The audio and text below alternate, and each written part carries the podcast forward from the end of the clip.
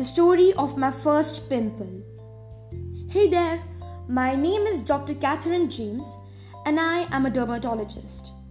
I live in Boston, USA. When I was 13 years old, I was really careless about my health and my skin. I used to drink only two glasses of water per day.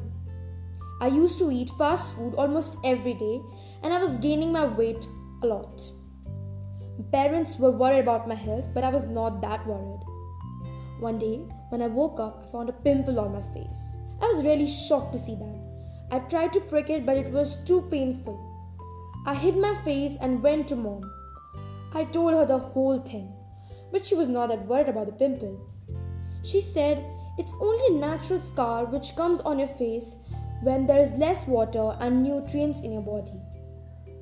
She made me feel relaxed I asked her a question that will it be forever on my skin? She replied that it will be vanished after some time, but we need to take some necessary precautions. She added further that first we have to follow a balanced diet. Second, we need to drink 7 to 8 glasses of water per day.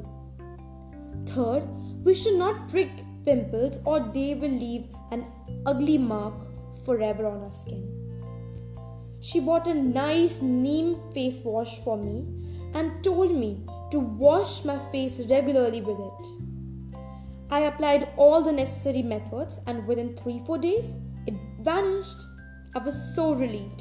Until now when I'm 31, I didn't even have a single pimple on my face and I would recommend the young generation to follow a balanced diet and drink 7 to 8 glasses of water. Thank you.